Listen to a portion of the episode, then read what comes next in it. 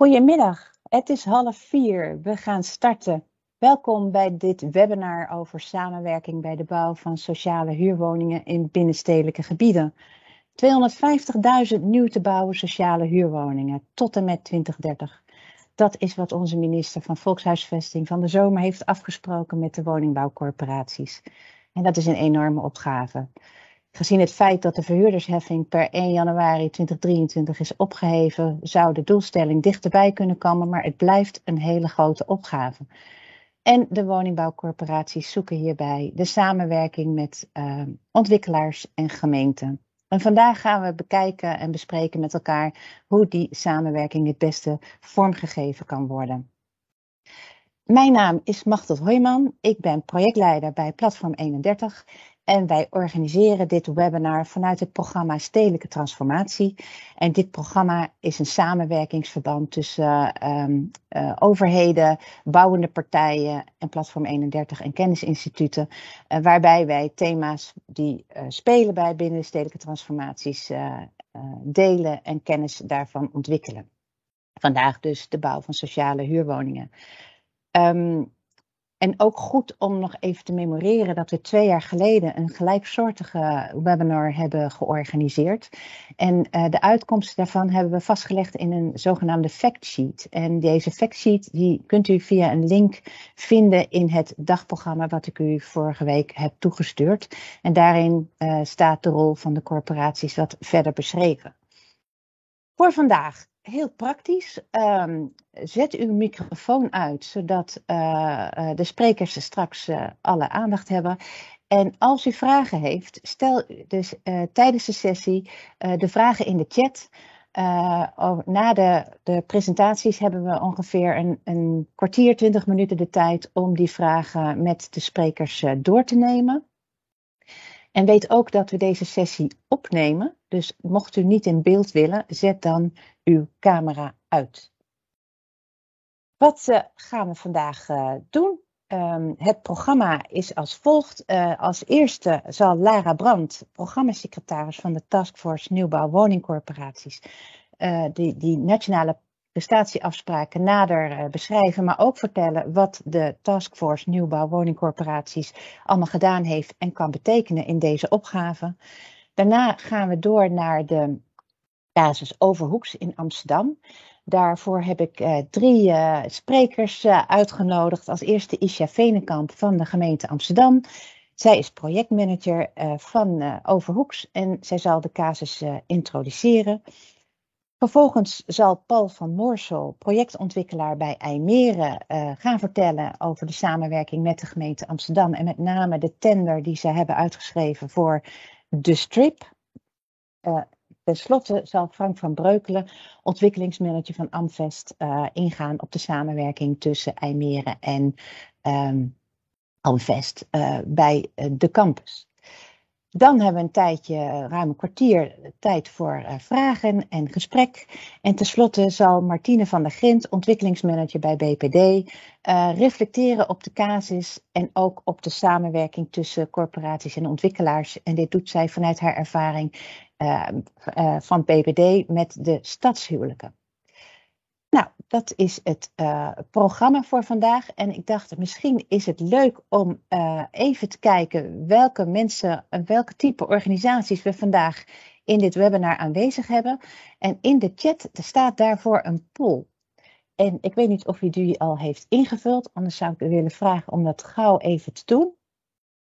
En dan kunnen we even kijken wat voor, uh, wie er allemaal aanwezig zijn. Nou, er zijn uh, vier gemeenten aanwezig, dat is uh, eh, 19 procent. Oh, hij gaat nog, de poll. Ik moet even wachten. Nou, ik zie 13 woningbouwcorporaties, dat is 50 procent. Ik zie twee ontwikkelaars, één adviesbureau en negen overige mensen. Nou, dat geeft een beetje een beeld. Uh, hartstikke fijn, dank jullie wel. En dan geef ik nu het woord aan Lara. Dus Lara, jij kan ook uh, het beheer nemen van de presentatie. Ja, spannend. Dankjewel, uh. En uh, welkom andere overige mensen, want daar tel ik mezelf uh, ook onder. Even kijken of je inderdaad naar mijn volgende slide gaat. Goed, het thema van uh, de taskforce, maar wat betreft ons werk, is volgens mij uh, waar een wil is, is een weg. Uh, er wordt veel gepiept en geklaagd en het kraakt ook overal. Maar we zien bij de taskforce ook heel veel goede voorbeelden. die gaan we vanmiddag ook zien, denk ik. Maar goed, hou dat altijd voor ogen als je probeert nieuwe sociale huurwoningen te bouwen. mijn taakje voor deze 10 minuten is om jullie even mee te nemen in de context daarvan ook over van ja, hè, wat is nou die sociale nieuwbouw en hoe gaat het er eigenlijk mee? Zeg maar, schiet het een beetje op met de bouw van die nieuwe, nieuwe sociale huurwoningen.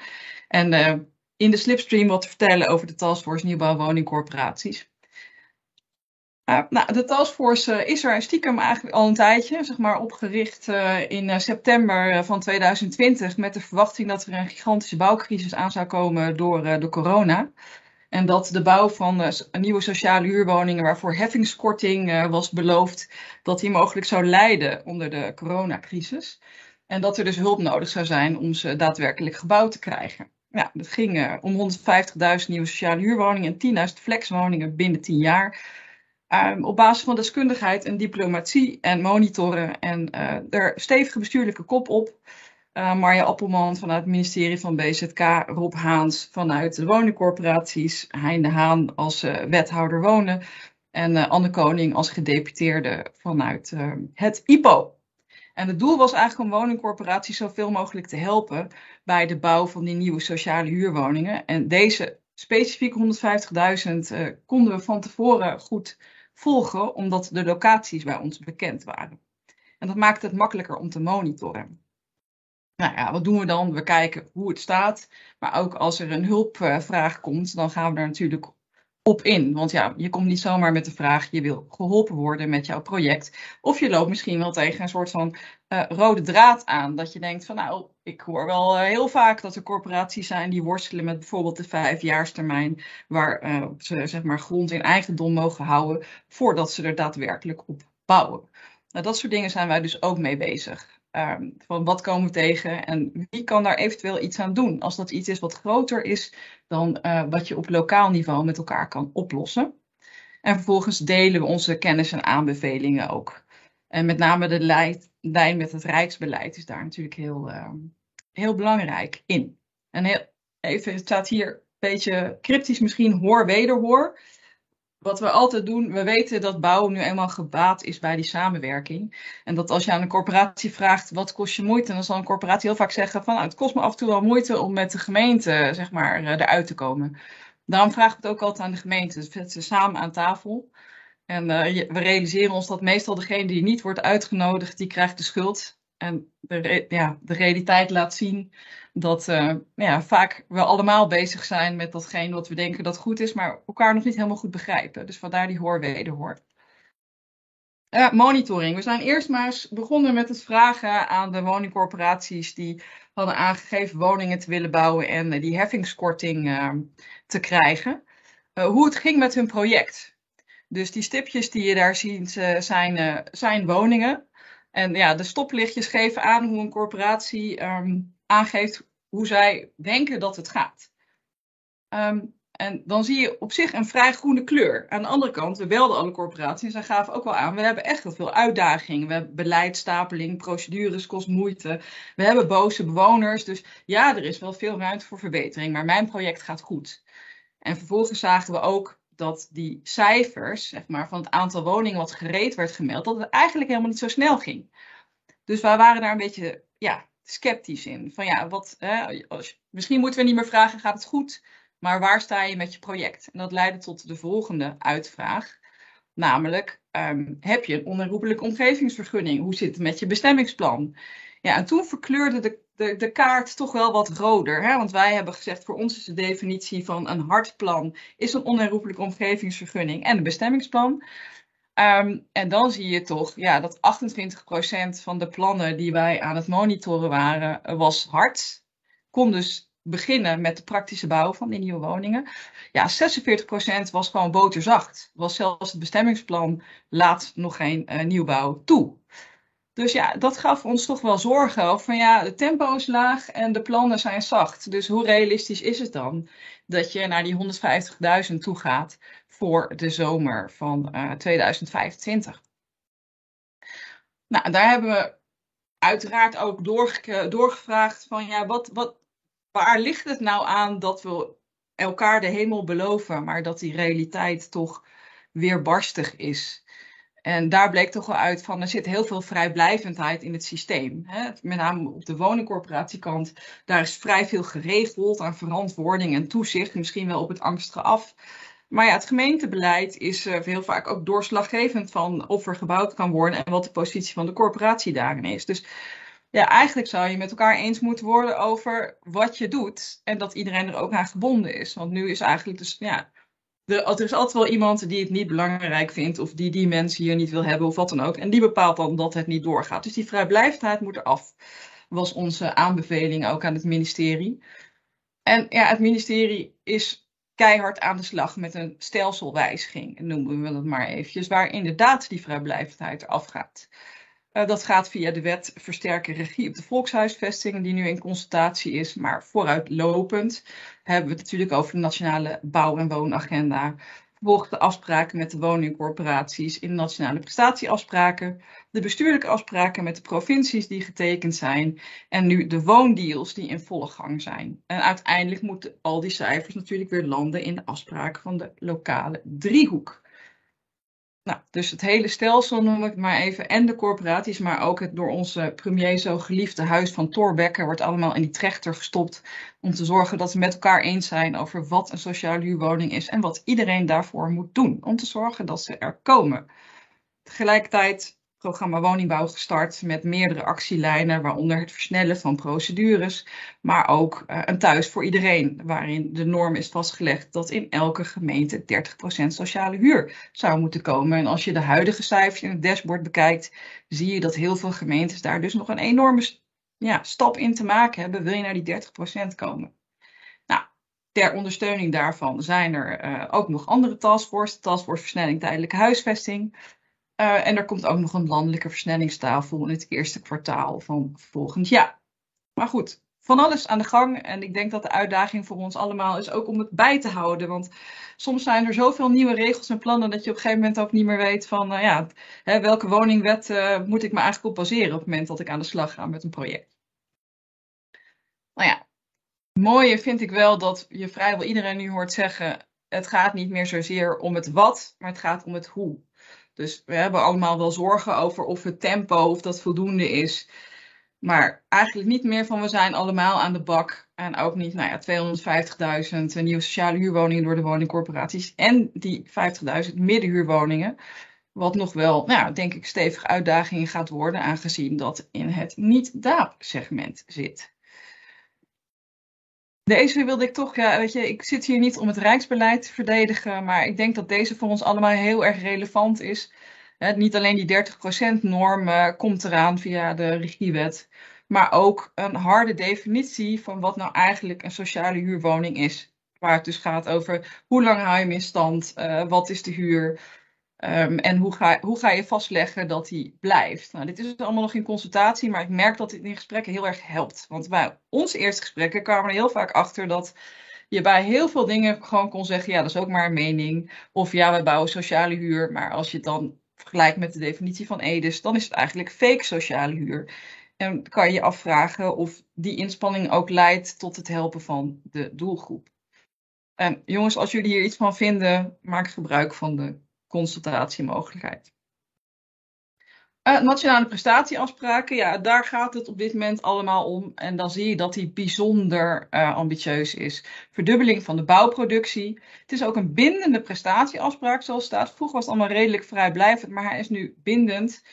En uh, hij, ja, het is eigenlijk een soort van: dit, ga, dit gaan de corporaties doen in ruil voor het wegstrepen van de sigaar uit eigen doos. 1,7 miljard verhuurderheffing. Ja, en dan denk je toch, het dieptepunt staat op 15.000 nieuwe woningen door corporaties per jaar. En we moeten nu naar 30.000. Het is echt een enorme sprong. Um, en zoals ik net zei, die 50.000 middenhuurwoningen. Ja, ik denk dat, dat we willen dit graag, maar ik denk niet dat we het morgen geregeld hebben. Laat ik het maar even zo zeggen. En ook als je dan even kijkt naar de bouwproductie. Edis houdt dit altijd heel mooi bij. Ook de verdeling naar uh, type woning. Je kan vrij snel zien wat er gebouwd is, maar niet de verdeling tussen de huurprijzen. En wij monitoren alleen de woningen die uh, tot de eerste aftoppingsgrens verhuurd worden. Nou, in augustus gaan we pas de definitieve cijfers zien, maar de kans dat het nou ja, dit jaar echt heel veel meer is geworden, achten we niet extreem groot. Vorig jaar is hij zeker versneld, hè, van 15.000 naar ongeveer 17.000. We hopen dat dit jaar het ergens tussen de 18 en 19 uitkomt. Maar zeker weten we dat pas in augustus. We zien het bij RVO zien we wel een enorme verdubbeling. Um, daarvan weten we dus niet of dit nou misschien een administratieve inhaalslag is. Hè? Omdat de, de, de heffing gaat eraf maar de korting kon maar tot 1 oktober worden aangevraagd. Wij denken dat dat voor corporaties heeft betekend dat ze redelijk last minute alsnog woningen gereed hebben gemeld. En dat dat uh, de reden is dat je daarom bij ons een verdubbeling van de tempo ziet. We verwachten niet dat die verdubbeling voor de hele productie geldt. Um, op zich, die verdubbeling was natuurlijk heel mooi nieuws, want we hadden een hard hoofd in, zeg maar, van of het nou wel zo hard zou gaan. Um, aan de andere kant, ja, weet je, ondanks dat er heel veel goed nieuws is, hè, verhuurderving gaat eraf, volkshuisvesting staat weer op het podium, we zien, zien we ook die donkere wolken wel. In het bijzonder als het gaat om de afgifte van de vergunningen. Die was al niet super hoog en die gaat naar beneden. Hieronder staat trouwens een leuke regel uit het CBS lijkt het erop dat ongeveer de helft van die, uh, van die woningen komt voort uit de vergunning die door een andere partij dan een corporatie is aangevraagd. Oftewel dat corporaties de, de samenwerking al heel goed weten te vinden met de markt. Dus dat de markt bouwt en de corporatie afneemt. Nou ja, Cobouw schreef er ook al over. Hè? Van afgelopen jaar ging het gewoon hartstikke goed. De bouw floreert. Maar we zien in heel hoog tempo die markt uh, kantelen. Daar maken we ons zorgen over met elkaar. Dus we moeten doorbouwen. Uh, waaronder die 100.000 woningen die nog niet gebouwd zijn, waarvoor wel ooit die heffingskorting was aangevraagd. Oftewel, nou, ongeveer 100.000 van de nog te bouwen 250.000 zijn waarschijnlijk woningen die wij als taskforce in het vizier hebben met een concrete locatie waar een corporatie hard aan trekt. Dus we hebben bij de provincie en het Rijk gezegd van laten we ons met elkaar hard maken om deze woningen zeker te bouwen. Want we hebben ook geleerd van als je geen locatie hebt, dan is het lastig om aan te jagen. Als je een locatie hebt, heb je een eigenaar. En kan je partijen helpen om sneller tot een deal te komen. En uh, nou ja, weet je, vogels in de hand heb je, vogels in de lucht moet je maar zien uh, hoe het daarmee verder afloopt. Ja, belangrijkste aanbeveling van de taskforce is toch van, hè, we doen over het algemeen echt bijzonder lang over bouwen. In, bij het Rijk zegt men het gemiddelde is 10 jaar. Ik denk dat het gemiddelde moeilijk te achterhalen is. Wat wij wel geloven is van je hebt ongeveer drie fases. Je hebt de fysieke bouwfase waar je in kan versnellen door andere techniek te doen. Je hebt een procedurefase uh, waarin je al dan niet een paar keer terug moet naar het tekenbord. Maar daarvoor heb je de fase waar je met elkaar tot een plan moet komen. En wij denken dat daar de grootste versnelling in te vinden is. En dat je dus zou kunnen zeggen, nou, zeg maar nieuwe bouwtechnieken. Je plan soms ook gewoon beter voorbereiden. Um, en maar vooral vooraf zoek de juiste vrienden en maak met elkaar een echt goed plan. En wij denken dat dat echt wel sneller kan dan in zeven jaar of in tien jaar. En dat je dan wellicht het in vier jaar zou kunnen doen in plaats van tien als gemiddelde. Daar is ook het actieplan versnellen op gericht van onze minister. Nou, dan heb ik nog snel een paar aanbevelingen voor de mensen die dit in de praktijk moeten doen. Um, het eerste is ja, wees realistisch. Hè? Er wordt, wordt heel veel gevraagd van de sector op dit moment. En dat is af en toe ook best wel gewoon een beetje lastig. Dat je denkt, we kunnen niet de hele wereld in één dag redden. Dus wees realistisch en voorkom ook dat je je eigen teleurstellingen realiseert. Aan de andere kant, weet je, laat jezelf vooral niet uit het veld staan. We staan er op zich als sector weer goed voor. Hè? Weet je, het is weer belangrijk, het stelsel is er weer. Uh, de verhuurderheffing is er af. Dus we moeten gewoon door en we moeten zeker voorkomen dat de bouw weer helemaal instort. Zoals bij die helse crisis die in 2007 begon. Dat we ook al ons personeel kwijt zijn geraakt en locaties kwijt zijn geraakt. Daar hebben we namelijk nog steeds last van. Sarah, gezien de tijd. Ja, ik ben erbij. Ga je naar een afronding? Okay. Ja, dit is mijn laatste slide. tweede is beter goed gejat dan slecht zelf bedacht. Er zijn zoveel mooie voorbeelden van andere gemeenten en corporaties. En doe het gewoon na in plaats van steeds het wiel opnieuw uit te vinden. Niet daap, wel doen corporaties zijn een beetje afgericht geraakt om zich heel erg bij de kerntaak te houden. Je mag verder dan dat. vier, nodig jezelf uit aan de woondeeltafel en laat je project prioritair verklaren, want anders komt hij onder op de lijst. En dat zou vervelend zijn met gebrek aan capaciteit. Maak het aspect tijd onderdeel van je plan, want dat vergeten we heel vaak en dus, het, dus is het nooit af. Zes, uh, omarm die nieuwe bouwvormen. Dus ook het optoppen, ondertoppen, splitsen, et cetera. Dat helpt natuurlijk enorm.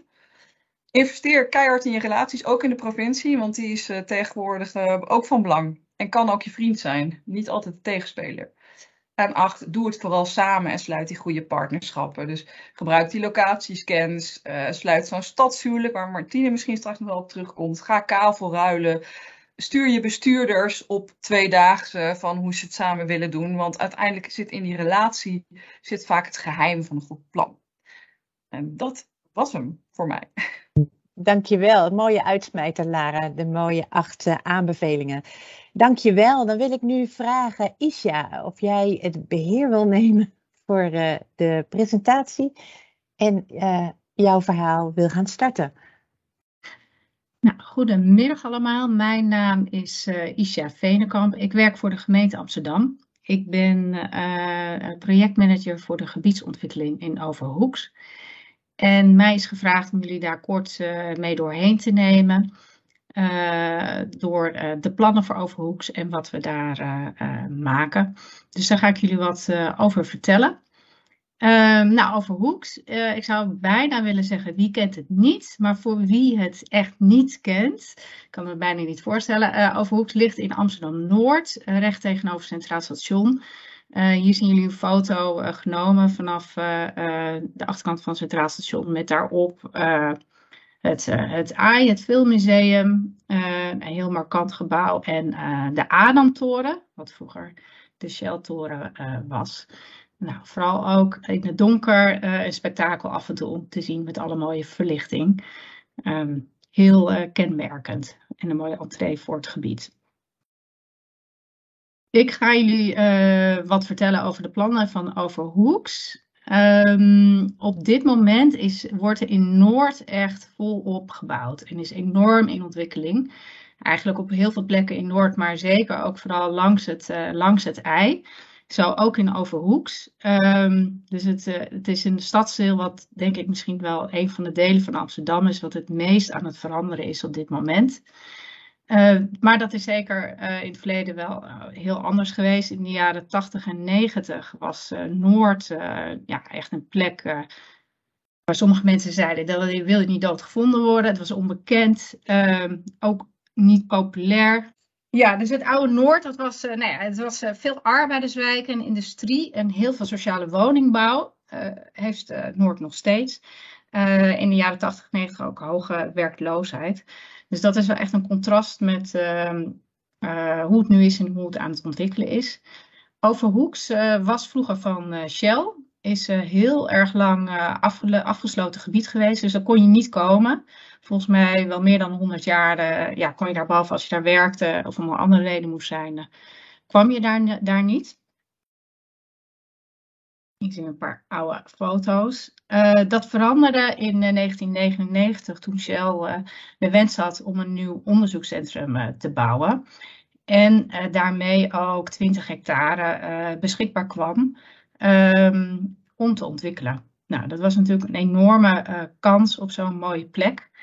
Ehm, in de stad. En toen is er eerst een masterplan gemaakt voor de noordelijke eioevers. En in 2004 is een stedenbouwkundig plan gemaakt voor Overhoeks. Um, dat bestaat eigenlijk uit uh, drie hoofdonderdelen. Hier aan deze kant wordt een hoogbouwstrip gemaakt. Hier zien we de Adamtoren, wat vroeger de Shell-toren was. En hierachter komen nog vijf uh, nieuwe torens met uh, woningen, uh, voorzieningen, een congreshotel en van alles en nog wat. Um, aan de andere kant hier zien we deze vlakken. Dat is, daar komen eigenlijk allemaal woonblokken. En dat is ook het gebied waar Alvest en Emneren de woonblokken maken. En dat noemen we de campus. Uh, dus dit is hoofdzakelijk woongebied met hier langs deze weg ook voorzieningen in de plint. En tussen de campus en de hoogbouwstrip komt hier straks nog een heel mooi nieuw stadspark. Dat noemen wij het Schechtpark. En die sluit aan op het oeverpark wat al langs het ei is gemaakt. Nou, en destijds was ook al bedacht van we moeten hier aan het water een mooi landpark maken. En dat is het uh, AI Filmmuseum geworden, wat er al uh, een hele tijd staat. Wat ook kenmerkt is voor het plan van Overhoeks, is dat het zo is opgezet dat je vanaf heel veel plekken uh, het water moet kunnen zien. En dus naar het ei toe kan kijken en het ei ook ervaart. Nou, hier nog eventjes het, de opzet van het stedenbouwkundig plan. Nu vanuit Noord richting hier Centraal Station. We zien dan is dit het ei, is de ademtoren en dan hier de hoogbouwstrip. En dan is dit is de campus. Alphen en Meren. Ik kan nu niet zien wat u aan het aanwijzen bent. Oh, oké. Okay. U roept wel wat, maar ik zie niet wat, wat ik zie u... niks, je ziet niet nee. mijn uh, cursor bewegen. Nee, nee, ik zie niks, geen pijltjes. Oh, dan ik zal ik het omschrijven. Pijl, hoor, Isha. Sorry? Ik, ik zie hem ook. Sommige mensen zien wel de pijl, de anderen niet. Ik ja. weet niet waar dat aan ligt. Oh, oké. Okay. Nou, ik zal het ook wel pro beter proberen te omschrijven dan. Even kijken, wat gaan we maken in Overhoeks? Nou, ik hoorde net al heel veel getallen voorbij komen. Uh, dat uh, van uh, opgaves van hoeveel woningen per jaar en hoeveel woningen in de toekomst. Uh, Overhoeks is een planontwikkeling die al heel lang loopt. zoals jullie, jullie net verteld, al zo'n 20 jaar bijna. En ehm, afhankelijk waren de plannen, zat er ook wat nog meer markt in dan nu. Dus in, loop der jaren heen is er nog wat meer sociale huur bijgekomen. En als Overhoeks af is, dan zijn er straks nog 3800 woningen. Eh, waarvan eh, uh, ruim 30% sociaal, uh, 10% middelduur en uh, de rest marktwoningen. En nog 130.000 vierkante meter niet wonen. hier nog eventjes een impressie van Overhoeks, hoe het er ongeveer uitziet als het straks klaar is. Dit wilde ik even laten zien, omdat uh, Lara die haalde het net al aan. We hebben bouwcrisissen gehad, bankencrisissen, maar ook vrij recentelijk zijn er heel veel ontwikkelingen. We hebben natuurlijk twee coronajaren gehad, een hele uh, heftige marktontwikkeling in de bouwprijzen en nu ook nog een oorlog in uh, Oekraïne. Dat zijn allemaal dingen die uh, best wel veel impact hebben op het werk en op het voortgang van het werk bij alle partijen die hierbij betrokken zijn. Dus zowel aan de kant van de marktpartijen, maar ook bij de, bij de gemeente. En nou, we hebben, doen er alles aan om die productie door te laten gaan. Dat gaat zeker niet altijd van vanzelf, maar we slagen daar toch redelijk goed in. Um, en daar ben ik heel, blij mee dat dat uh, in ieder geval voor Overhoeks uh, de afgelopen jaren is gelukt. Hier zien we een foto uit 2014. Zie je dat er een paar blokken aan het ei van de campus er staan. Het ei Filmmuseum en hier uh, de, de Adamtoren. Dat is eenzelfde soort foto. Hier in 2018 zie je dat er al in de hoogbouwstrip meer is gebouwd. En het, een deel van het moeras wat er was weg is. En dit is 2021, dit was vorig jaar. Nou, dan zie je een enorme ontwikkeling van dat er echt heel veel uh, op dat moment uh, is bijgebouwd en ook nog in aanbouw is. En deze is van dit jaar. En uh, we zijn een heel eind op weg. We zitten echt in een enorme piek dit jaar. Um, en volgend jaar ook nog. En ik denk dat we zijn tot 2026 eh, nog wel bezig voordat Overhoeks klaar is.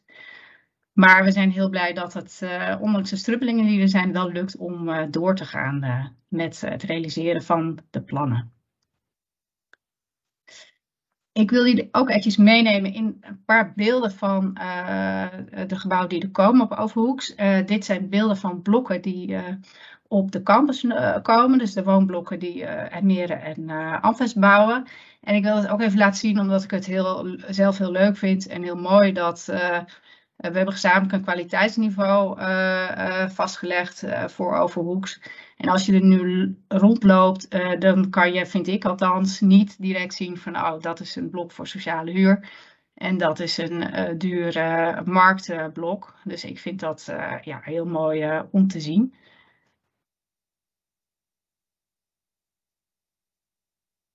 is nog even een impressie van het park wat er straks komt. Dat wordt afgemaakt als alle bouwterreinen weg zijn en we erbij kunnen.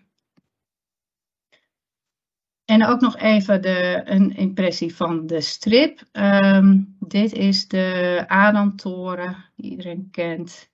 Uh, dit is een woontoren die al klaar is. En dit is een, deze is in aanbouw, dat wordt onderdeel van het congreshotel. Deze is ook in aanbouw een woontoren.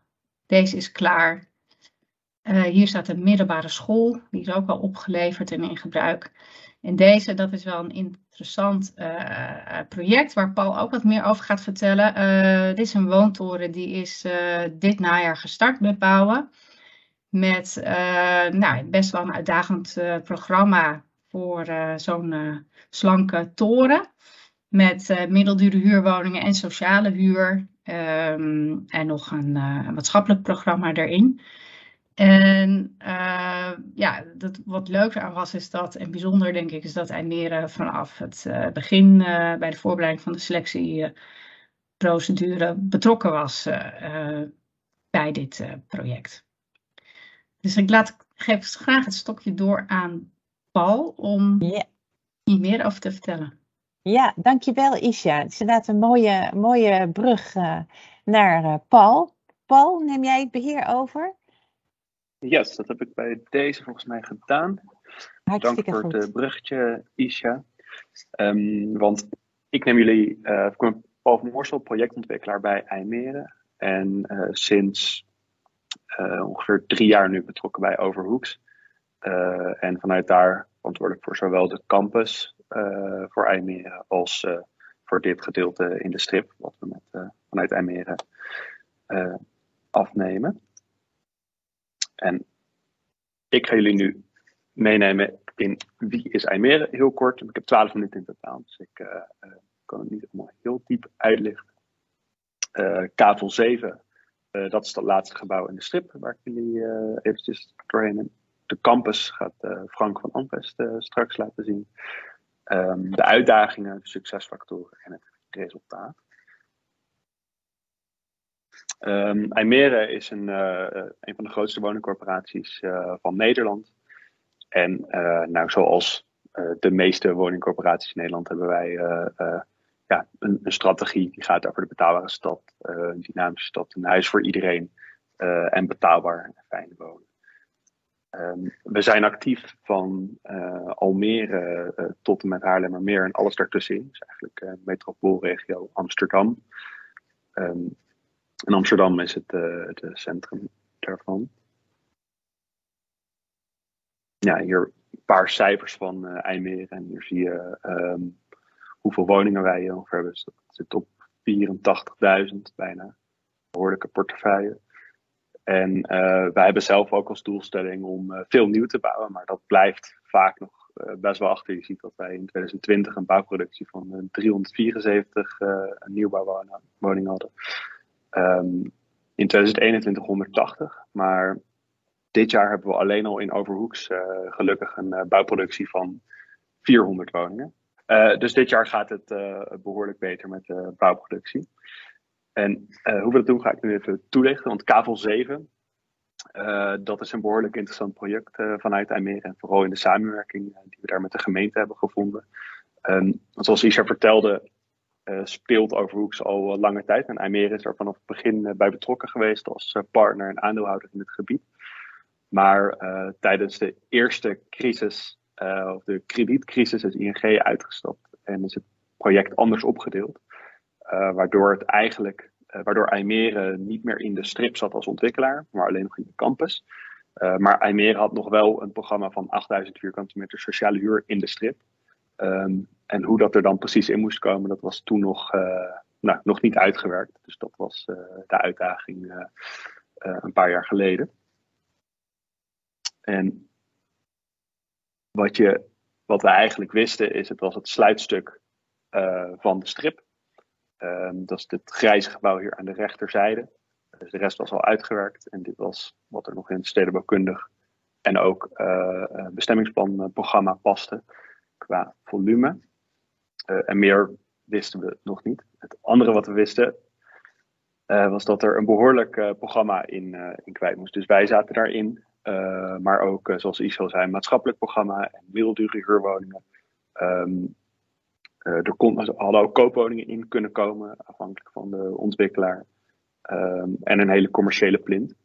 Dus de grote vraag was, uh, hoe gaat IJmeren uh, hier nou in participeren? Uh, want wij doen in principe alleen maar sociale huur. zoals in het eerste deel van de presentatie werd gezegd, coöperaties mogen ook wel niet dingen doen, maar hier werd het wel heel gortig als wij een, toren van 90 vierkante meter met bowlingbanen en nou, een, een, deel sociale huur zouden maken. Dus daar was eigen ontwikkeling was niet aan de orde. Um, dus was het de vraag, hoe gaan we hierin participeren? Um, de gemeente uh, uh, wilde het sowieso uh, als tender op de markt zetten, wat wij heel begrijpelijk vonden. Um, dus was het plan, waarom doen we daar niet gewoon aan mee? En zeggen we van tevoren wat we willen. Um, maar ja, wat we willen, dat is makkelijker gezegd dan gedaan, want je weet natuurlijk nog niet precies wat er komt. dus hoe geef je dat nou op een goede manier vorm? Dus wat willen we wel, wat willen we echt niet en wat maakt misschien uh, wat maakt niks uit. Uh, dus daar hebben we enorm lang uh, op gepuzzeld. Um, wat zijn nou belangrijke eisen voor ons? Dus bijvoorbeeld um, de, welke woninggroottes willen wij? Nou, dat is natuurlijk bij ieder project het geval dat je dat van tevoren beslist. Maar ook hoeveel woningen willen we bijvoorbeeld eenzijdig op Noord georiënteerd? Hoe zorgen we nou dat wij een kwalitatief goed programma krijgen wat ook past binnen onze normale eisen. Um, als je die eisen dan goed op papier zet, uh, kwam er eigenlijk binnen nou, drie kwart jaar hebben we daarover gesproken met, uh, met iedereen. hadden we eigenlijk een hele mooie set liggen. wat bestond uit woontechnische eisen. Nou, daarin stond waar de woningen aan moesten voldoen. maar wel op een hele strikte manier. Um, met voldoende ruimte voor uh, afwijkingen, zodat de ontwikkelaar ook wat vrijheid had in het, uh, in het ontwerp. Uh, nou, technisch programma van eisen, dat is niet heel erg spannend. maar wat wel interessant was, was dat we ook al de afnameprijs in de tender hadden opgenomen. Dus wij hadden een, een afnameprijs hebben opgegeven, onderbouwd met een stichtingskostenopzet en een bouwkostenberekening van een onafhankelijk bureau. Um, en uh, nou, dan hebben we de tabelletjes die je op deze pagina ziet. Uh, die hebben gewoon in de tender gestaan. Dus degene die meededen aan de tender wisten precies waar ze aan toe waren. Uh, en ook waar ze rekening mee konden houden. dus als ze inschreven in de tender, dan moesten ze hieraan voldoen. Daar werd ook op getoetst. Um, dan had je de eisen. Naast de eisen had je ook de gunningscriteria. Eh, dus waarop wordt je nou getoetst? Ook dat hebben we samen met de gemeente vormgegeven. Dus eh, eh, hoeveel punten scoor je waarvoor? Um, en daarin hebben we natuurlijk ook um, samen bepaald hoe we nou de jury inrichten. Dus wie bepaalt wat het beste is. En daarna is naar voren gekomen, IJmere houdt dat project natuurlijk in portefeuille. dus voor ons was beheer, beheer het belangrijkste, zowel in sociaal beheer als technisch beheer. Dus wij scoorden het onderdeel programmatische kwaliteit. En daarna moest dat natuurlijk allemaal nog in contracten. Um, want hoe zorg je nou uh, dat je um, ja, dat de ontwikkelaar zich ook aan die eisen houdt? Uh, want wij zijn natuurlijk in het begin niet direct contractpartner van de ontwikkelaar, want die wint een tender van de gemeente. Uh, dus eigenlijk liepen eerst alle afspraken via de gemeente, totdat wij een turnkey-overeenkomst met de ontwikkelaar. Nou, ik kan het hele schema nog toelichten, maar daar, uh, dat kan op verzoek uh, op een later moment. In ieder geval is het altijd geborgd dat wij krijgen wat we, wat we willen. Um, en in de tender is dat uiteindelijk is het geleid tot de voorselectie en definitieve selectie. En vanuit de selectie is dit uh, project het geworden, de Brinktoren. wat ik zelf hier heel mooi vind, is dat je op dit beeld zie je aan de rechterkant een van de woningen van IJmeren van de PEC. Dat is de buurt die ernaast ligt. En daarachter de nieuwe toren met de aansluiting in bakstenen die ze hebben gezocht. En hier zie je hoe ze die mix van functies in dit project hebben opgelost. Wat daar heel knap aan is, is dat al die functies zitten dus in het gebouw, maar alles heeft wel een semi-eigen ontsluiting. Dus iedereen heeft eigen liften. Um, en beneden in de lobby uh, komt iedereen elkaar tegen. Dus dat is wat ons betreft de juiste, mengfunctie, de juiste menging op het juiste niveau. Um, en voor ons ook enorm goed uh, te beheren op deze manier.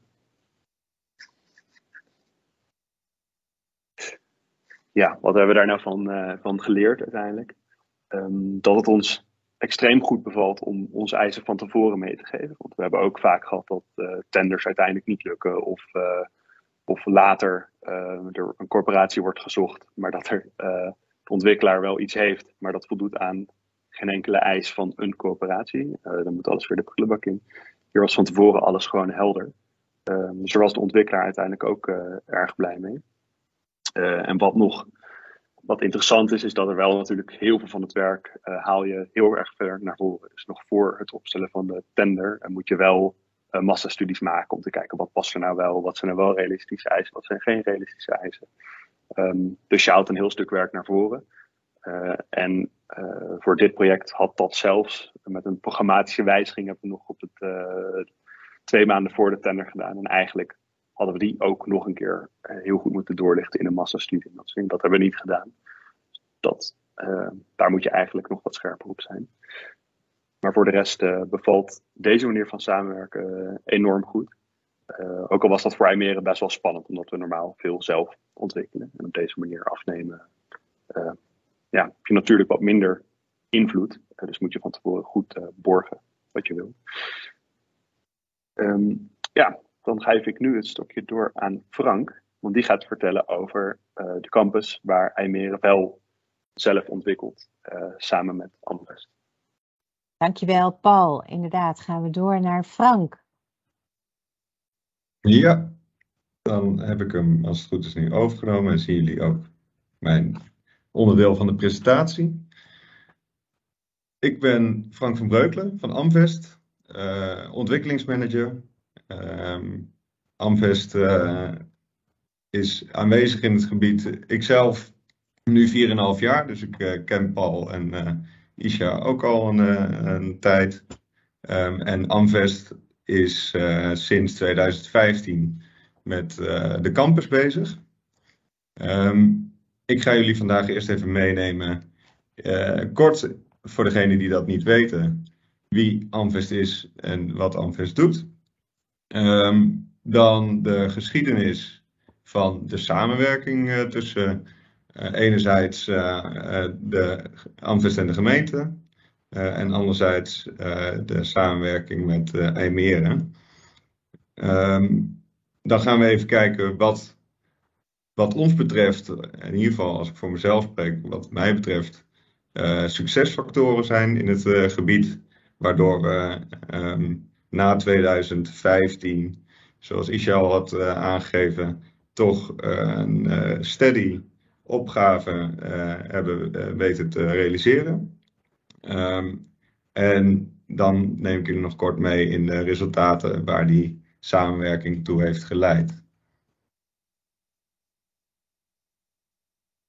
Wie is Amvest? Um, Amvest is een ontwikkelaar en een belegger. Um, die alleen belegt in woningbouw en soms nog wat commerciële plinten in de, op de begane grond.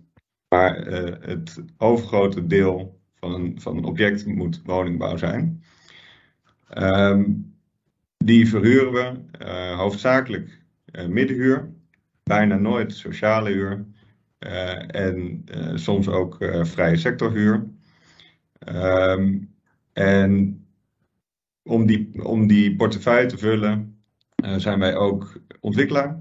Uh, we zijn dus ontwikkelaar van woongebouwen. Uh, maar we hebben ons de afgelopen jaren steeds meer gespecialiseerd in het ontwikkelen van woongebieden. Ehm, en sinds wat korter zijn wij ook bezig met ontwikkelingen in zorggebouwen en zorgwoningen. Ehm, onze kernwaarden zijn dan ook een, een sociale en duurzame leefomgeving maken. Ehm, wij, doordat we uh, beleggen in de gebieden die we ontwikkelen, ehm, zijn wij niet een ontwikkelaar die na oplevering uh, vertrekt en nooit meer terugkomt. Dus wij kunnen extra investeren in die sociale en duurzame leefomgeving, uh, waar comfortabel en gezond wonen dan centraal staat. Um, die lange termijnvisie dat je ontwikkelt, daarin zelf belegt, je huurders daar uh, hopelijk uh, tussen de 30 en 50 jaar tevreden zijn. Ehm, dat, dat betekent dat we net op een andere manier naar gebiedsontwikkelingen kijken. Um, en dat vertaalt zich in ecologische en ruimtelijke kwaliteit, sociale omgeving.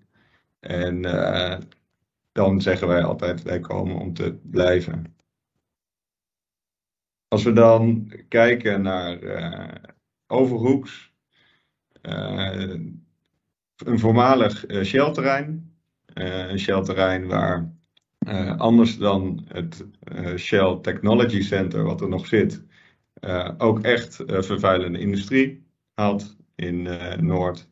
Um, en waar in december 2005 de, de gemeente samen met Shell en ING een samenwerkingsovereenkomst heeft gesloten voor de ontwikkeling van de wijk. En waar gelijktijdig um, ING en IJmeren een samenwerkingsovereenkomst hebben gesloten om in te stappen. Um, ING heeft toen de eerste fase, en dan probeer ik het uit te leggen aangezien niet iedereen het pijltje ziet, maar dat is de fase dichtste langs het ei, uh, die al, uh, als ik me niet vergis, rond 2008, 2009 is opgeleverd. Uh, is daar ontwikkeld door ING. Um, ING hield op met zijn ontwikkeltak. En toen is in 2015 is het aandeel van ING overgenomen door Amvest.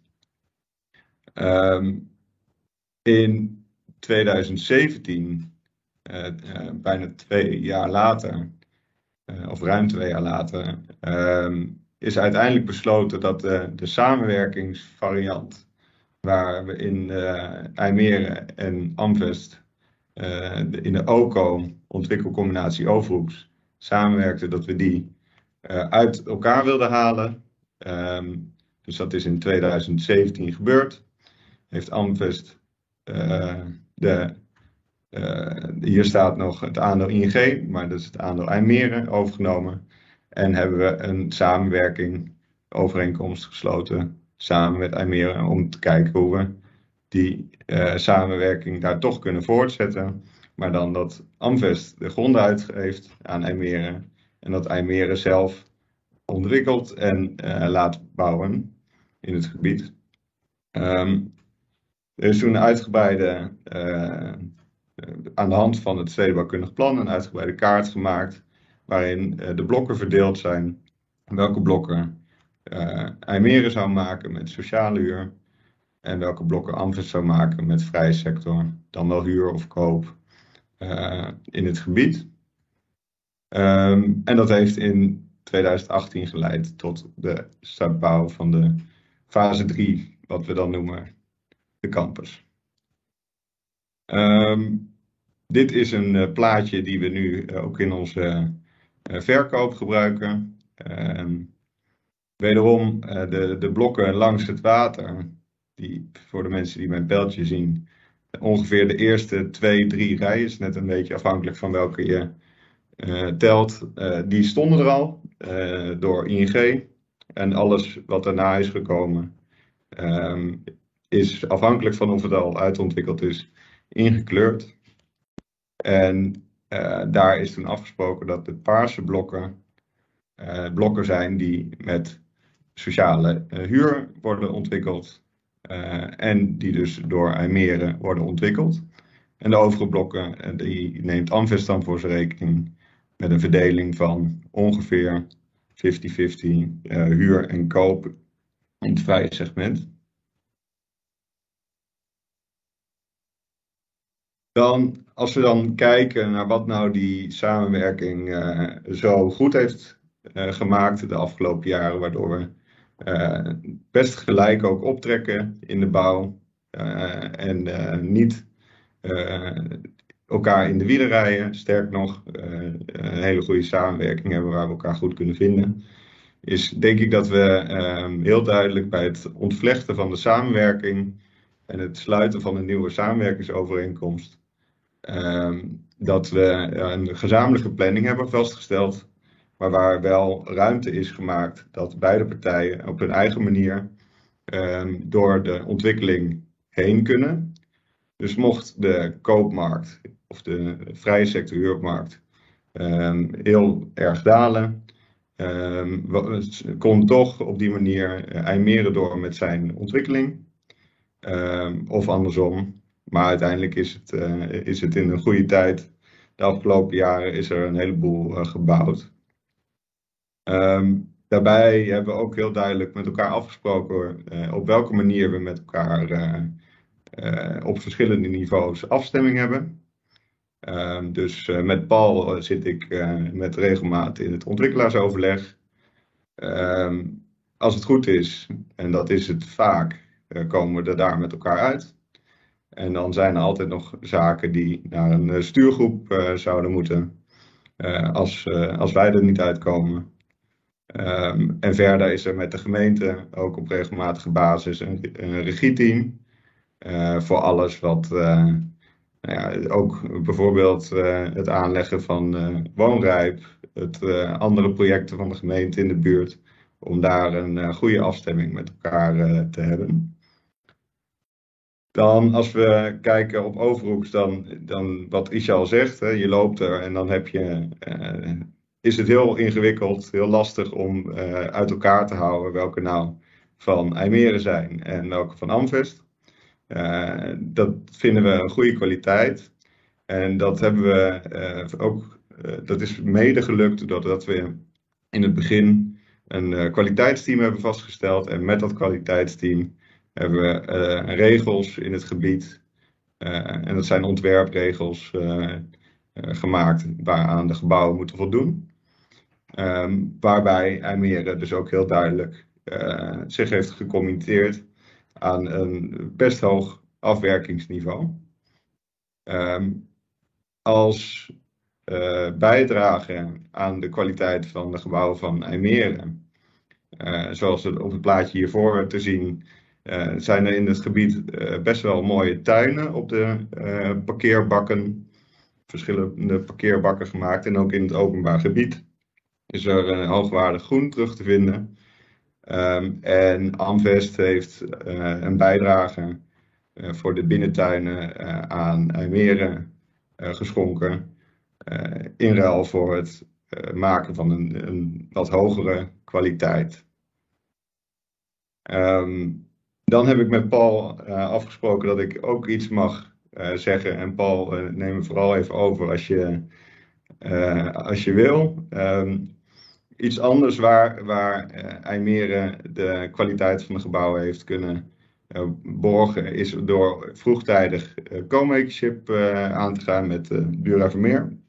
Um, waarbij de combinatie van uh, engineeren en, uh, en, en, architectuur uh, heel dicht bij elkaar ligt. En al op, in een vroeg stadium kan, kan Duravermeer slim meedenken om een bouwsysteem te maken wat bijvoorbeeld sneller, maar, sneller bouwt, waardoor de bouwkosten toch op een andere manier gedrukt worden dan de kwaliteit naar beneden bij te stellen. Paul, ik weet niet of je daar nog iets Nee, dat klopt precies inderdaad. Dus vroeg, vroeg onze technische partners betrekken en dan die meenemen in het ontwerp, zodat we echt zo efficiënt mogelijk tot een komen.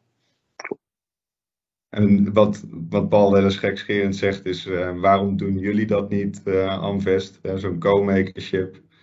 En dan is toch wel het, bijzondere aan een, aan een wooncorporatie dat ze langjarig bouwproductie kunnen garanderen aan hun co-makers. waar dat voor een marktpartij als de onze, ondanks dat we dat toch opzoeken, goede samenwerkingen met, met bouwers, dat, dat, dat op die manier toch is gebleken dat dat beter werkt.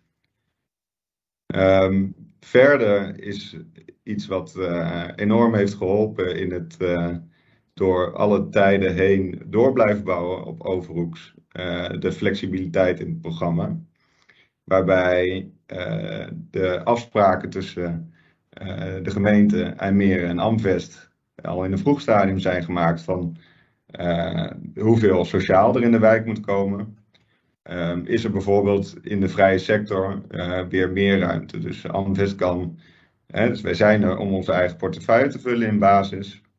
Um, maar uh, op het moment dat de belegger, um, dat we niet met beleggershuurwoningen uitkomen, dan hebben we wel de flexi flexibiliteit om bijvoorbeeld koopwoningen in gebouwen te realiseren. Wat ervoor zorgt op het moment dat we uh, echt niet uitkomen met een, uh, met een beleggershuurblok. Uh, dat we bijvoorbeeld een gedeelte, de grotere penthouses boven, dat soort dingen, um, zouden kunnen verkopen in de markt. als dat dan meer opbrengt natuurlijk. Um, die flexibiliteit in het programma heeft er in ieder geval voor Amvest voor gezorgd dat wij in het moordend tempo van IJmere mee kunnen.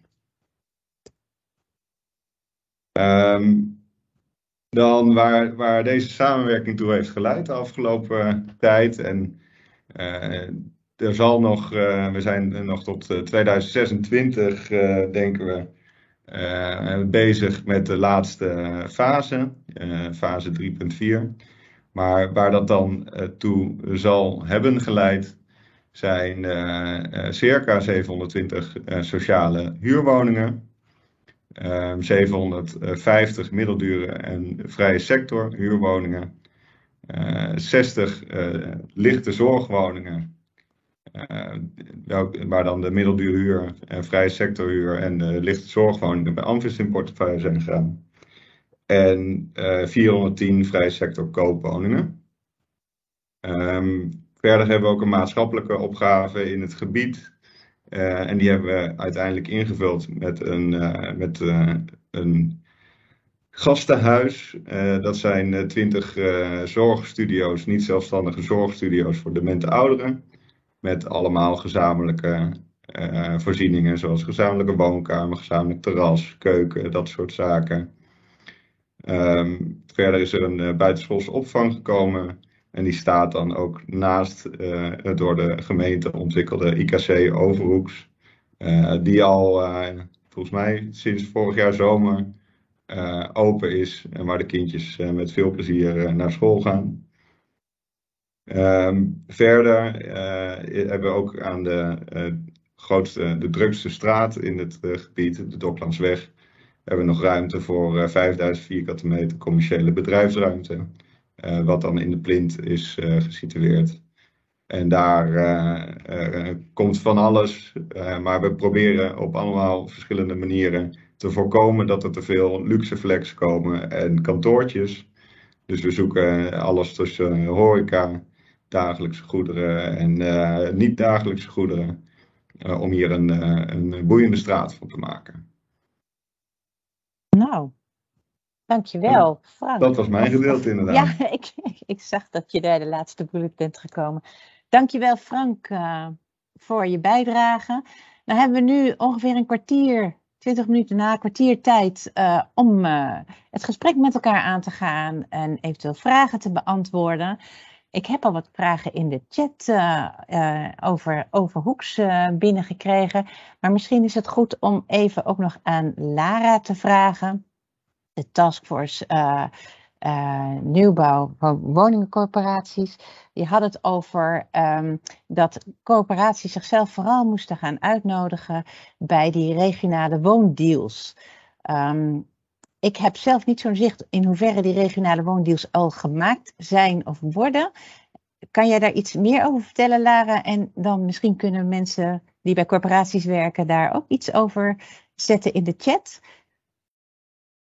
Lara. Ja.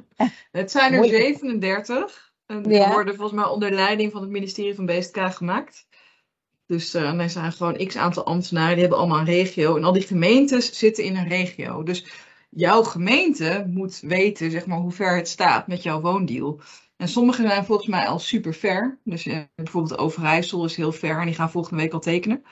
Minister wil het allemaal dit jaar uh, hebben gedaan, maar in verband met reality checks is het allemaal wel moeilijk. Dus uitlopen naar het eerste kwartaal. Oké.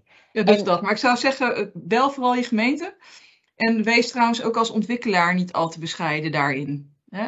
Um, ik zou zeggen, um, als, je, als je niet meepraat, dan wordt er over je gepraat. Dat is altijd zonde volgens mij. Ja, want in eerste instantie is het volgens mij niet de bedoeling dat uh, corporaties meetekenen, of wel? In die woondeals. Weet jij dat? Het, het, het, is nooit opgezet als zijn dat de bedoeling was dat corporaties meetekenen of marktpartijen. Um, daar is wel ruimte voor om dat ook te verkennen. Dus dat, ja, weet je, voor een deel zijn die dingen toch gewoon maatwerk. Want de ene regio is de verbinding met de markt en de corporaties heel warm. En daar wordt het ook gewoon erkend als zijnde van, ja, heeft eigenlijk weinig zin om er een publiek-publiek feestje van te maken. Dus laten we vooral marktpartijen en semi-marktpartijen meteen meetekenen. Volgens mij is het geen verplichting. Dus ik zou zeggen, zoek de vorm die het meest bij je past. Ja, oké, okay, dankjewel. En dan heb ik een vraag uh, in de chat van Frank van Breukelen. En dat gaat over de tender in de strip, uh, waar IJmere uh, een mooie positie in heeft. En hij vraagt, hoe is nou bepaald dat welke woningbouwcorporatie in die tender mee kon doen? Dat het, nou, hoe is die keuze op IJmere gevallen? Of konden ook andere corporaties meedoen?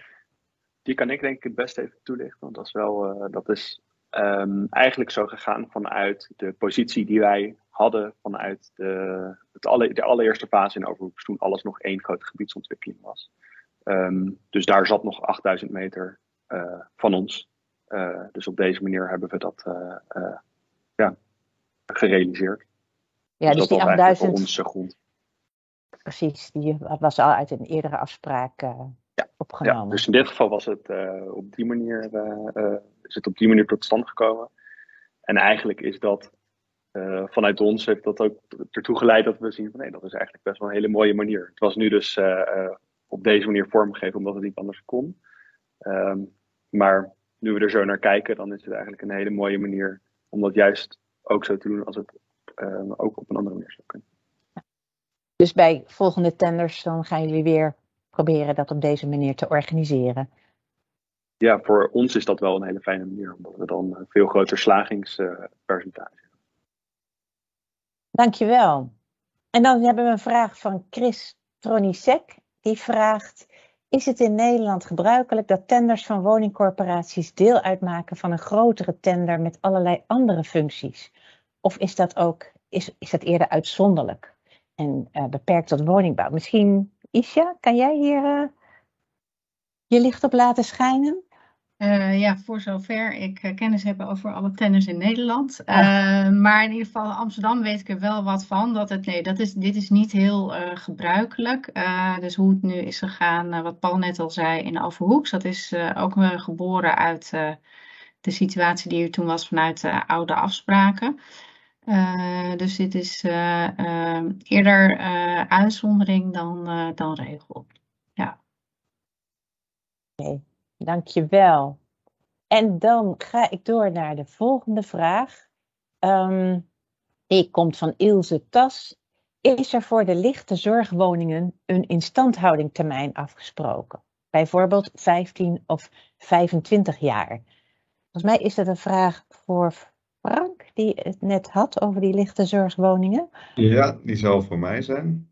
Um, Nee, voor de lichte zorgwoningen, deze lichte zorg. Dus uh, we moeten er twee onderscheiden. De, de zorgstudio's voor demente ouderen, daar zit een maatschappelijke bestemming onder. Dus uh, dat, dat is, uh, die blijft voor altijd maatschappelijk, tenzij daar een bestemmingsplanwijziging in komt. Um, en dan zal dat ook weer in de erfpacht moeten worden aangepast. Ehm, voor de lichte zorgwoningen, uh, die, uh, dat zijn eigenlijk uh, woningen waar je al kan komen wonen als je nog geen zorgvraag hebt. Maar als je voorsorteert op dat je misschien later wel een zorgvraag krijgt. Die, dat waren marktvierkante meters die wij hebben. En die hebben wij op eigen initiatief lichte zorg gemaakt. Dus daar zit ook geen instandhoudingsverplichting onder. En er zit een gewoon een, een markt uh, grondwaarde onder. Dankjewel, Frank. Even kijken, er komt er nog een vraag binnen van Maurice van Maurik. Waarom komt er hoogbouw in de strip? En is dat niet nadelig voor de oude binnenstad van Amsterdam? Tja, Weet, weet, jij dat, Isha, of niet? Ik heb er, een leuk, ik heb er op zich wel een leuk verhaal. Eh. Als jij een leuk verhaal mag je het zeggen? Nee, ja, dit is, nou, uh, uh, het, is natuurlijk wel iets wat hoogbouw hebben we niet veel in Amsterdam. Nou, dat komt nu steeds meer. Maar dat de binnenstad van Amsterdam is natuurlijk inderdaad allemaal op vier lagen. Ja, dat is gewoon de, destijds uh, zorgvuldig uh, zeg maar een, uh, een, een, visie op ontwikkeld van op welke plekken langs het ei je hoogbouw zou kunnen toevoegen. En daar is de strip onderdeel van. Weet je wat de jij... gedachte Ja, die visie is heel interessant, vind ik zelf. Ja. Want um, ik weet niet, lukt het er heel snel om die presentatie... Nou ja, anders moet ik specifiek die slide opzoeken, dat is ingewikkeld. Um, maar de positie van de strip is eigenlijk in het stedenbouwkundig plan zo neergezet dat als je in de binnenstad van Amsterdam staat, staan alle gebouwen precies achter de Amsterdamtoren, achter de Adamtoren. Dus vanuit het oude centrum zie je eigenlijk niet dat er hoogbouw is toegevoegd. Dat zie je ah, alleen als je langs de oever van het ei uh, loopt. Dus dat is heel interessant. Oké, dus dat is wel een mooie oplossing. Ja, ook Even kijken. Wij hebben nog een vraag van Martine Grient. Hoe wordt met parkeren omgegaan onder het betaalbare programma? Um, dat is een. Oh, sorry. Ja, nou, parkeren wordt uh, voor de deel uh, uh, zit er de parkeergarages onder de woongebouwen, maar ook onder de hoogbouwstrip voor het programma wat daar komt, zowel wonen als niet wonen. Um, en daarnaast is er voor bezoekers worden parkeerplekken op straat gerealiseerd, maar het zit hoofdzakelijk allemaal onder, onder de grond. Ja. En oh, voor sociale woningbouw uh, uh, niet, hè, Paul? Dat, dat is vooral fietsparkeren en bergingen. Uh, ja. We hebben onder een deel van onze complex hebben we ook parkeerplaatsen zitten, maar de ervaring leert dat die grotendeels leeg staan en dat huurders er eigenlijk vanaf willen. Dat is best wel interessant. Alleen wij kunnen ze niet ontkoppelen en dat heeft met de daad-niet-daad discussie te maken. Um, dus wij kunnen ze niet ontkoppelen van de woningen. Dus wij moeten ze gekoppeld met een parkeerplaats verhuren. En die woningen verhuren uh, echt heel, uh, heel lastig vergeleken met andere woningen. Dus dat is uh, heel interessant. Wij maken nu de meeste woningen zonder parkeerplaatsen in Amsterdam. Oké, dankjewel Paul. er is denk ik nog tijd voor twee vragen. Ik heb hier een vraag, wederom over de tender. Dat is toch wel een heel interessant item. Um, die komt van Daphne Doornbos. En uh, als ik het goed begrepen heb, is de tender in de markt gezet door de gemeente. Hoe is er in de tender bepaald dat IJmeren de woningen overneemt? En is er in de tender iets opgenomen over de prijs? Zeker. Paul. In de, in de tender uh, zijn alle eisen vastgelegd waar de woningen aan moeten voldoen. Uh, en daar is ook in opgenomen voor welke prijs Meren die woningen afneemt per GBO. En die is weer onderbouwd met, een, uh, met de bouwkostenanalyse en de stichtingskosten opzet. Dus dat was van tevoren al helder. Dus per woningcategorie verschilde die afnameprijs. Um, uh, dus bijvoorbeeld voor kleinere woningen werd een hogere prijs per GBO betaald dan voor grotere woningen. Oké, dankjewel Paul. En dan wil ik nu de laatste vraag eh, stellen. Die is van Harmen van Doorn. En uh, die gaat over een heel ander thema. Wat is er nodig of wat werkt het best om omgevingsparticipatie goed uit te voeren? En in hoeverre is ruimte voor aanpassingen? Omgevingsparticipatie, hebben jullie daar uh, aan, aan besteed? Ja, daar is heel veel over te zeggen natuurlijk. En daar wordt ook heel veel over, uh, steeds meer over gezegd de laatste tijd. Wat ik er even bij moet zeggen is dat uh, ik denk de, de, de manier uh, waarop er wordt gekeken en ook wat er wordt verstaan onder participeren en inspraak en dat soort dingen, denk ik van twintig jaar geleden en nu dat het ook wel anders is. Ehm en wat het ook misschien wel lastig maakte in Overhoeks, is dat die plannen dus eh, al uh, best wel een tijd terug zijn bepaald. Hè. Stedenbouwkundig plan, de hoofdopzet. En dat nu ehm, ja, het is eigenlijk gewoon vanuit de omgeving, vanuit de politiek, een misschien nog wel actievere manier van participeren wordt verwacht dan destijds. Uh, dus dat betekent dat we nu in ieder geval, uh, dit is natuurlijk door de tijd heen, uh, op het moment dat je een ontwerp voor een park maakt bijvoorbeeld, is er, wordt daarover geparticipeerd en kleinere onderdelen. Maar we hebben, de plannen zijn eigenlijk zo goed als af. Jullie zagen net ook de plaatjes, het is volop in uitvoering. Dus er is ook niet zo gek veel meer om over te participeren op dit moment. Oké, dankjewel Isha. Um, dan uh, wil ik het uh, gesprek en de vragen nu even afronden en doorgaan naar onze laatste spreker. En dat is Martine van der Grind, ontwikkelingsmanager bij BPD. En zij zal haar reflectie geven op, uh, op de casus, maar ook op de samenwerking tussen ontwikkelaars en woningbouwcorporaties. En dat doet zij ook vanuit haar ervaring met het zogenaamde stadshuwelijk. Martine, of, ja, Martien, sorry. Kan jij iets vertellen? Wat is een stadshuwelijk? je geluid staat nog uit. Martine, je geluid staat nog uit. Inderdaad, nu wel, als het goed is. Nu wel. Ja.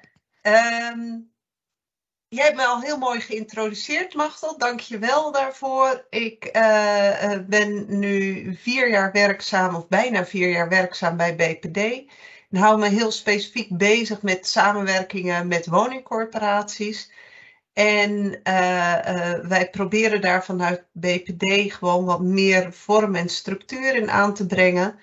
En uh, daarmee probeer ik even een korte reflectie te geven op, op de casus. En, en, met name de reflectie waar Lara mee, mee begon met uh, de opgaves waar we allemaal voor staan. Want uh, naast natuurlijk de opgave voor sociale woningbouw hebben we eigenlijk de opgave is in de breedte van de woningmarkt natuurlijk ontzettend urgent. En uh, een van de drijfveren daarbij is dat ik denk dat we samen als markt, corporatie en gemeente sterker staan om die opgaves te kunnen aanpakken. En um, uh, wat mij opviel, Lara, in het, in het gesprek en de, uh, en evaluatie of waar de taskforce zich ook hard voor maakt, is ook uh, de verbindende prestatieafspraken die toch een corporatie en een gemeente hebben. En eigenlijk ook marktpartijen, de afhankelijkheid van marktpartijen steeds groter wordt voor de productie van woningen. En uh, wat ik dan mooi vind in de uh, uh, relatie tot Overhoeks, want Overhoeks komt eigenlijk voort uit een pre-woningwet tijdperk waarbij corporaties ook actief grondbeleid konden voeren, gemeentes ook zie je uh, nu eigenlijk in de huidige tijd de worsteling daarbij over hoe kom je aan posities en hoe kun je uh, die woningbouwproductie met elkaar beter op orde krijgen. En um, uh, die worsteling, die zie ik heel sterk in het voorbeeld enerzijds van Overhoeks, waarbij je vrij zakelijke afspraken, overnames hebt en tot productie bent gekomen versus de uh, behoeften vanuit de overheid en de taskforce in het uh, huidige tijdspad met participatie, met uh, verschillende actoren, minder actief grondbeleid van heel veel gemeentes. dus we staan voor een enorme opgave bij, waarbij samenwerken toch wel het sleutelwoord is. Maar samenwerken zowel op tussen organisaties, dat vind ik er eentje, maar ook met bewoners en omwonenden. En volgens mij is dat uh, de opgave waar we met z'n allen voor staan. Naast een aantal hele praktische zaken, zoals het moet allemaal betaalbaar, het moet allemaal heel erg duurzaam en het moet allemaal snel. En uh, hoe kunnen we met elkaar zorgen dat het ook kwalitatief nog een beetje goed blijft? Nou, dat proberen wij in ieder geval aan te pakken door, een, door, door stadshuwelijk aan te gaan. En dat kan deels een, een kwantitatieve manier zijn van wij hebben al als posities, als marktpartij.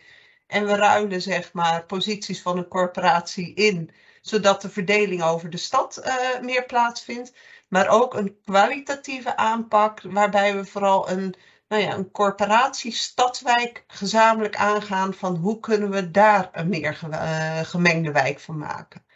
En zo proberen wij als BPD daar in ieder geval invulling aan te geven. En volgens mij alle partijen die vandaag ook aan het woord zijn gegeven, staan we daar op dezelfde manier in. En zijn we met elkaar echt wel bezig om ook door middel van dit soort webinars kennis te delen en dat het samen sneller gaat uh, plaatsvinden. Nou, en dat, dat is waar we volgens mij allemaal ons steentje aan bijdragen. Dus zo heb ik het een beetje samengevat van enerzijds de opgave van nu en anderzijds de uitwerking en de ambitie van een overhoeks. Waarbij ik heel benieuwd zou zijn met de uh, kaders van tegenwoordig of die ambitie van een overhoeks nog steeds overeind zouden kunnen blijven. En dat is denk ik wel een, eh, een, een mooie analyse als we eerste projecten van de afgelopen vijf jaar, zeg maar, ook een keer ter evaluatie kunnen bespreken. Ja, ja. En, en uh, dankjewel uh, Martine. Ik heb we, we, hebben zitten nadenken over wat zijn nou de succesfactoren hè, van die samenwerking, ook in, bij Overhoeks. Ik heb, uh, ik heb er een paar uh, opgeschreven. Hè. We, ja. Voor de tender heldere eisen stellen, uh, gemeenschappelijk vaststellen van criteria, hele duidelijke contracten. En bij, bij IJmeren en Amvest was het ook hè, dat het kwaliteitsteam en een gezamenlijke planning. Wat zijn nu er zijn ook vast wel fricties in die samenwerking tussen die partijen. Daar hebben we het eigenlijk nog niet zo heel erg over gehad. Wat zouden die fricties zijn en hoe kunnen we daar? Uh... Ik denk de eerste is uh, financiële uitgangspunten. Verschillende belangen van partijen. En een van mijn zoektochten is ook om die heel vroegtijdig al wel in een samenwerking op tafel te hebben liggen. En, uh, want de belangen van een corporatie en de rekenmethodieken van corporaties is echt een andere als dat die van marktpartijen zijn. En uh, uiteindelijk draait het toch wel om uh, hoe zit besluitvorming over inbrengwaarde als je in bestaand corporatiegebied gaat werken. Hoe wordt daarmee omgegaan?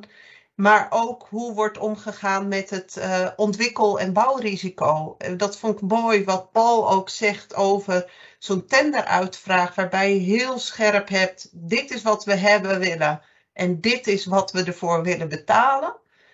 Mijn vraag direct is: van, heeft de gemeente hier dan de rekening uiteindelijk voor betaald? Want zij waren de gronduitgiftepartij, volgens mij. Dus dat is, uh, uh, daar, daar zitten volgens mij de, de financiële yeah. factoren in haalbaarheid en snelheid. Ja, die spelregels moet je heel vroegtijdig uh, met elkaar bespreken, nog voordat je überhaupt een stedenbouwkundige of een architect een opdracht gaat geven. Ja. Dat is denk ik wel een hele belangrijke succesfactor. En vervolgens, en dan kijk ik ook een beetje Lara aan en een, een taskforce, als het dan gaat over het realiseren van de plannen en de ambities van gemeenten, als het gaat over duurzaamheid, uh, uh, betaalbaarheid en al die factoren die ook weer een kostencomponent in zich hebben, versus betaalbaarheid en snelheid. En daar, ja. dat zijn denk ik de uitdagingen waar wij in de huidige tijd echt voor staan. Ja. En, en in zo'n stadshuwelijk, hè, dan ben je meerdere jaren met elkaar in. Uh, je werkt samen in meerdere uh, plekken van de stad, hè, want je wisselt posities uit. Um, ik denk dat als je elkaar goed leert kennen, dat uh, de vrijheid om die, bijvoorbeeld die financiële uitgangspunten open en eerlijk met elkaar te delen, groter zullen zijn hè, als je langer in een huwelijk zit. Uh, ja, dat heeft daar wel mee te maken. En uh, wij zeggen ook heel bewust dat je een, een eigenlijk ga je um, een, een, samenwerking aan voor, bij wijze van spreken, voor 15 jaar, waarbij je op T is 0 nog niet zo heel veel verdient als marktpartij, maar op T is 15 als het goed is, ook mee kunt liften op de revenue van een wijk of een, een schaal van een wijk, wat gewoon echt beter is dan hoe je de wijk aantrof, hoe je er begon. Ja. En dus uh, dat lange termijn perspectief versus een individuele projectafweging, ja, dat is continu de uitdaging om het tot een succes te maken. Maar ook, en dat vond ik wel mooi in het verhaal wat, uh, wat Frank ook liet zien, dat je die gelaagdheid ook organiseert over een, uh, een planteam, een kernteam en een, en een stuurgroep. Weet je, ja. die heb je nodig om bij problemen of struggles ook wel op het juiste niveau te kunnen escaleren en door te kunnen pakken. Waarom zitten wij ook alweer in deze samenwerking? Ja, dus ook dat is een goede uh, succesfactor, inderdaad, om die meerdere gelaagdheid uh, van actoren te organiseren. Dat, ja, absoluut. Ja. Dus, en, ja. en, uh, en dat dus ook tijdig te doen. Dus de neiging, wij allemaal als vastgoedmensen, hebben wel eens de neiging om heel snel de diepte in te gaan in een project. En heel snel te zoeken naar van, oh, maar we moeten zoveel woningen van dit en zoveel woningen van dat maken, bij wijze van spreken. Terwijl het, als, we, als je strategischer wil samenwerken en langduriger, moet je het veel meer hebben over de principes van de samenwerking. Want een architect aansturen, een stedenbouwkundige aansturen, dat kunnen we allemaal wel. Maar waar loopt die vaak op vast, is dat we dit onvoldoende hebben geregeld aan de voorkant. Nou, dat vind ik een hele mooie, we zijn bijna zeggen mooie uitsmijter uh, uh, om dit, uh, van dit webinar. Organiseer die gelaagdheid goed, tijdig, voor in het proces. Um, nou, hartstikke goed. ik weet niet of er nog een vraag is uit de, ik wil bijna zeggen uit de zaal, voor Martine. in de chat niet. Ik kijk even naar Jonsje. Zo niet, dan, ehm, dan wil ik iedereen bedanken. De sprekers bedanken voor hun bijdrage aan, aan dit webinar vandaag. En alle deelnemers voor hun getoonde interesse. Zoals ik in het begin al zei, deze sessie is opgenomen. Dus wij gaan die later plaatsen op onze website van het programma Stedelijke Transformatie. Dus kunnen jullie allemaal terugkijken. En we zullen ook een kort verslag slash artikel schrijven en op de website publiceren. En daarnaast uh, wil ik jullie alle vragen uh, of in ieder geval attenderen op ons jaarcongres. Op 16 februari uh, volgend jaar organiseren wij met het programma Stedelijke Transformatie onze jaarlijkse congres. En dat zal dit keer in Nijmegen plaatsvinden in De Vazien. En het thema is samen succesvol transformeren. In de ochtend interessante keynote speakers, in de middag allerlei workshops. Uh, dus ik zou zeggen, reserveer deze datum in jullie agenda. En dan uh, rest mij nu jullie een, uh, een fijne avond toe te wensen. Dank jullie wel.